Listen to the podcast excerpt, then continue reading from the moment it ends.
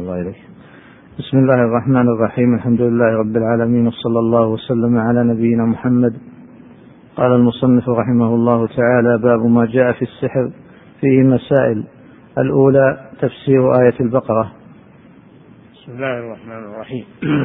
الحمد لله والصلاة والسلام على رسول الله وعلى آله وأصحابه أجمعين.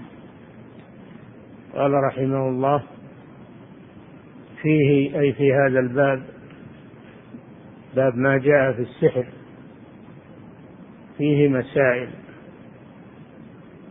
تفهم من هذه النصوص الواردة في الباب عن السحر. نعم. الأولى الأولى تفسير آية البقرة.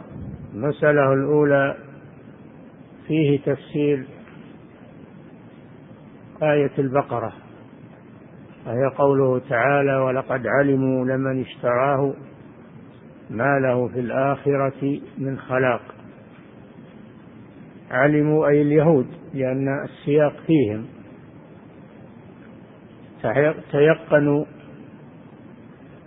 أن من استبدل السحر بكتاب الله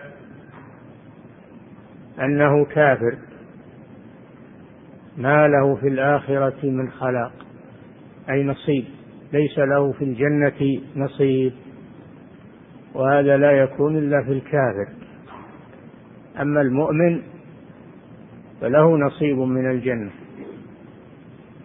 فهذا دليل على كفر الساحر. لأن اليهود تركوا كتاب الله. نبذوا كتاب الله وراء ظهورهم كأنهم لا يعلمون واتبعوا ما تتلو الشياطين على ملك سليمان. اتبعوا ويأخذوا السحر الذي هو من عمل الشياطين.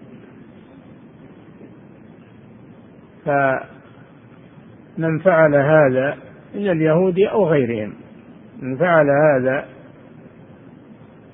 وتعلم السحر أو علمه أو عمل به فإنه يكفر بذلك. ليس له في الآخرة من خلاق. نعم. الثانية تفسير آية النساء. في قوله تعالى يؤمنون بالجبت والطاغوت. ألم تر إلى الذين أوتوا نصيبا من الكتاب وهم اليهود أيضا. يؤمنون بالجبت والجبت هو السحر كما فسره عمر بذلك. فاليهود يصدقون بالسحر ويعملون به. فدل على أن العمل بالسحر إيمان بالجبت. إيمان بالجبت. نعم. الثالثة تفسير الجبت والطاغوت والفرق بينهما. الجبت السحر والطاغوت الشيطان. هذا تفسير التفسير الذي ساقه المؤلف في الباب. الجبت السحر والطاغوت الشيطان؟ الفرق بينهما أنهما ليس شيئا واحدا. وإنما كل لفظ له معنى. نعم. الرابعة أن الطاغوت قد يكون من الجن وقد يكون من الإنس. نعم. لقوله الطواغيت كهان. الطواغيت كهان. كانوا يحتكمون إليهم في كل حي. كاهن والكاهن هو الذي يدعي علم الغيب. وذلك لتعامله مع الشيطان. يدعي علم الغيب بما تخبره الشياطين. ف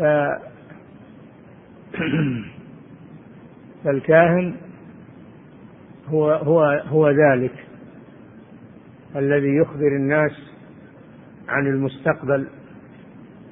وأنه سيحصل كذا ويحصل كذا. دل على أن الشياطين قد يكونون من الإنس لأن الكهان من الإنس. لأن الكهان من الإنس. لأنه جاء في تفسير يؤمنون بالجبت والطاغوت أن معنى الطاغوت الكاهن. لأن الطاغوت اسم مشترك. يطلق على الشيطان من الجن ويطلق على الشيطان من الإنس.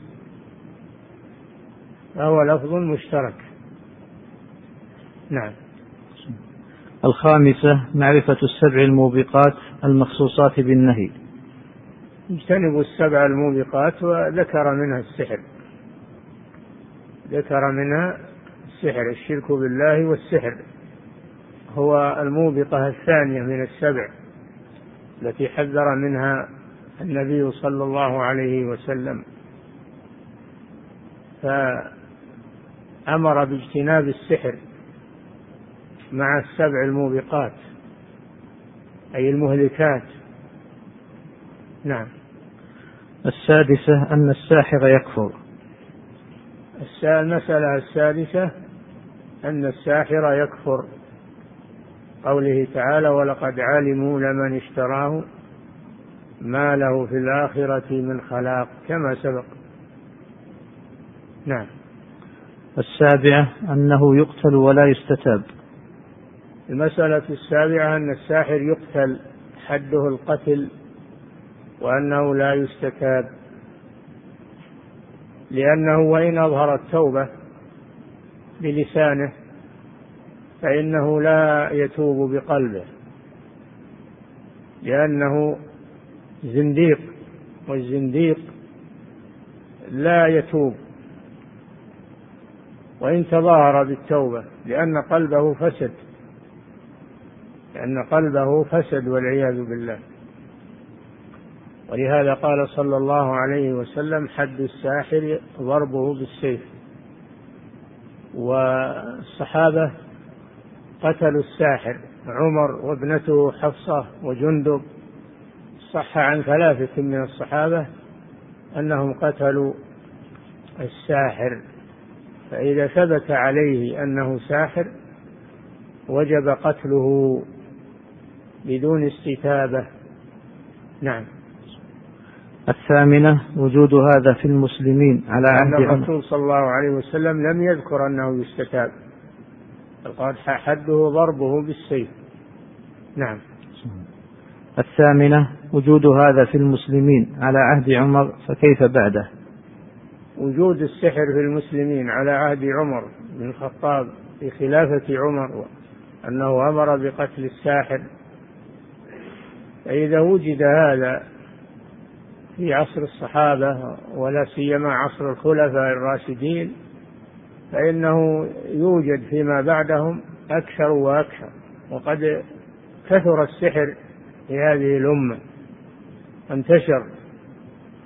وفي وقتنا هذا السحر كثير السحرة منتشرون في العالم الإسلامي بل إنهم جعلوا لهم قناة ينشرون فيها السحر.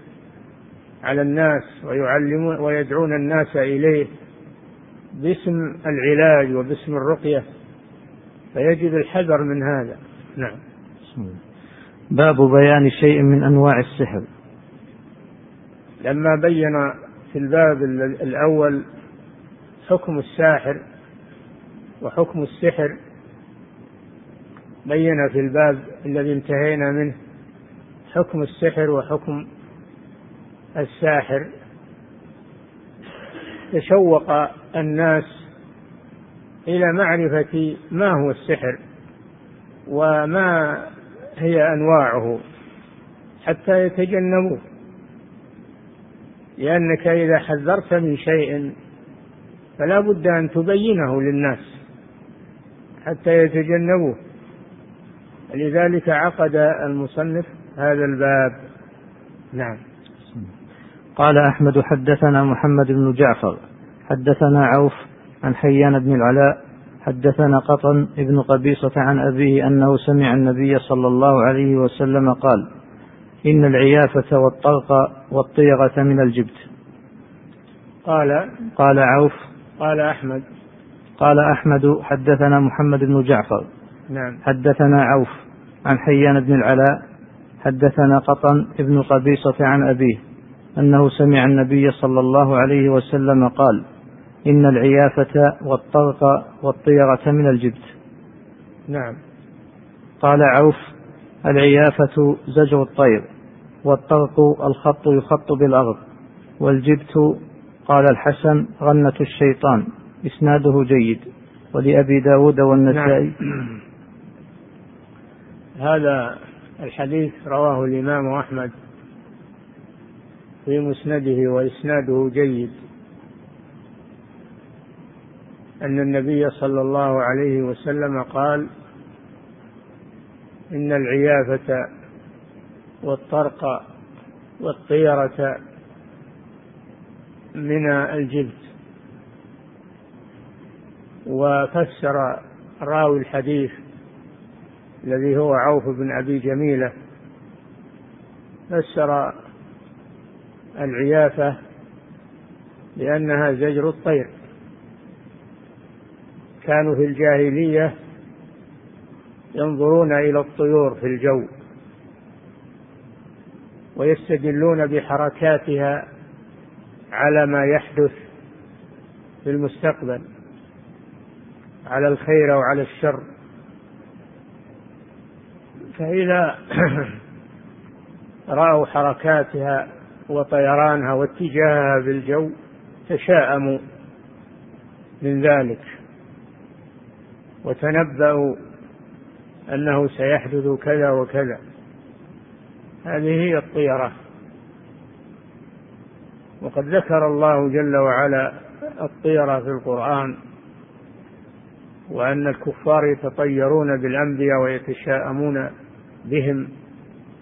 وينسبون الشر إليهم وإلى مجيئهم. هذا هو الطيرة وهي شرك كما سبق. نعم. هذه الطيرة. هذه العيافة هي الطيرة وهي التطير بأحوال الطيور وحركاتها في الطيران توجهاتها وهذا عمل جاهلي. الواجب على المسلم أن يتوكل على الله سبحانه وتعالى ويؤمن بالقضاء والقدر ولا يتطير أو يتشاءم. نعم. هذه الطيرة. إن العيافة والطرق. والطرق فسره الراوي عوف لأنه الخط الخط في الأرض.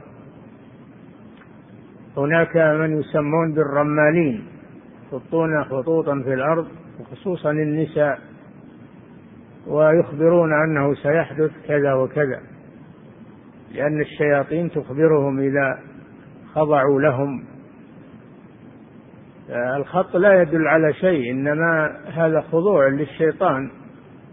ثم الشيطان يخبر الرمال بأنه سيحدث كذا وكذا في المستقبل. وقد يصيب وقد يخطئ.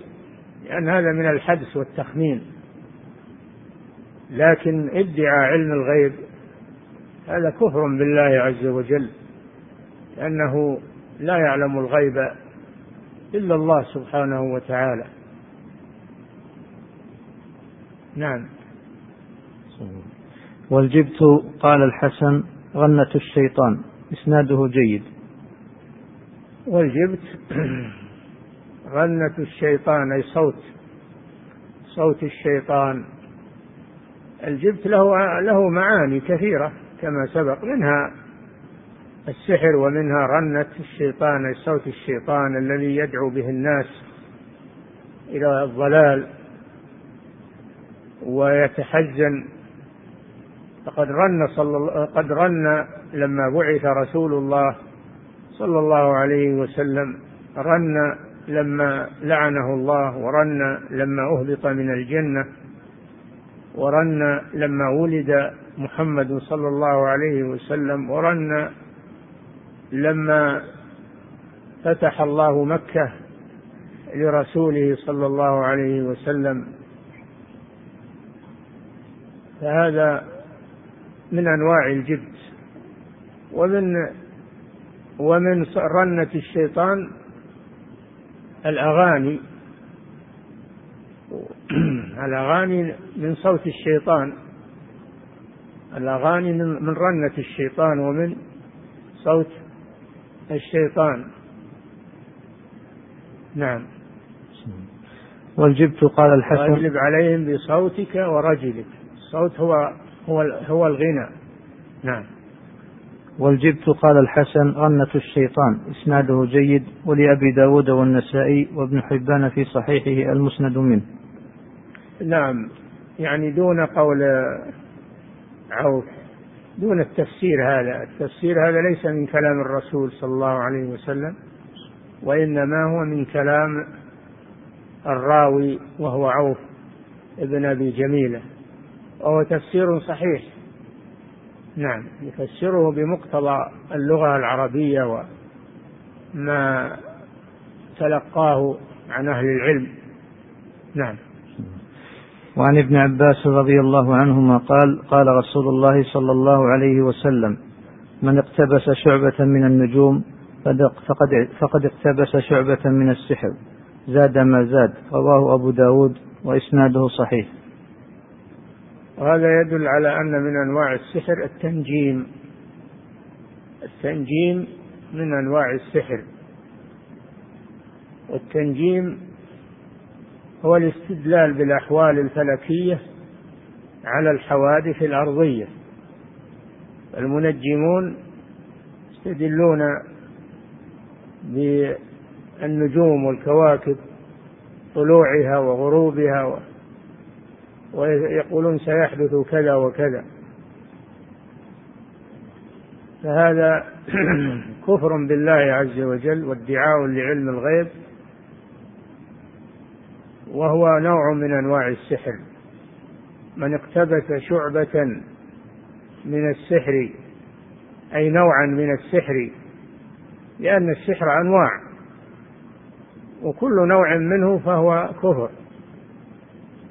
من اقتبس شعبة من النجوم فقد اقتبس شعبة من السحر.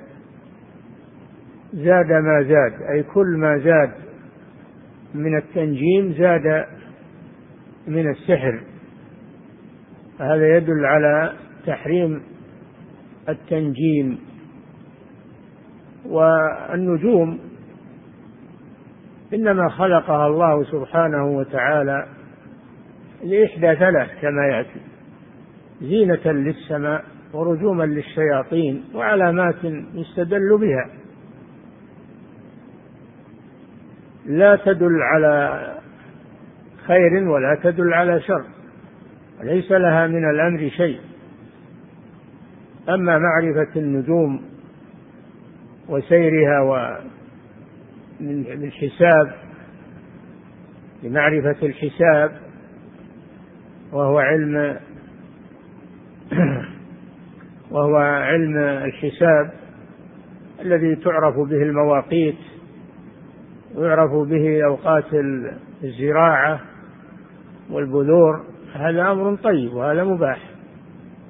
علم الحساب بهذا المعنى هذا أمر مباح ومفيد أيضا. وهو ما يسمى علم التسيير. أما التنجيم فهو علم التأثير وهذا لا يجوز. الاستدلال بالنجوم والشمس والقمر على الحساب والمواقيت هذا لا بأس به. الله جل وعلا جعلها لأجل معرفة الحساب. لتعلموا عدد السنين والحساب. فهذا أمر لا بأس به ويستفاد منه.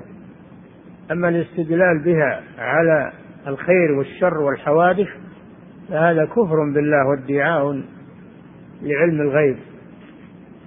والله تعالى أعلم وصلى الله وسلم على نبينا محمد وعلى آله وأصحابه أجمعين.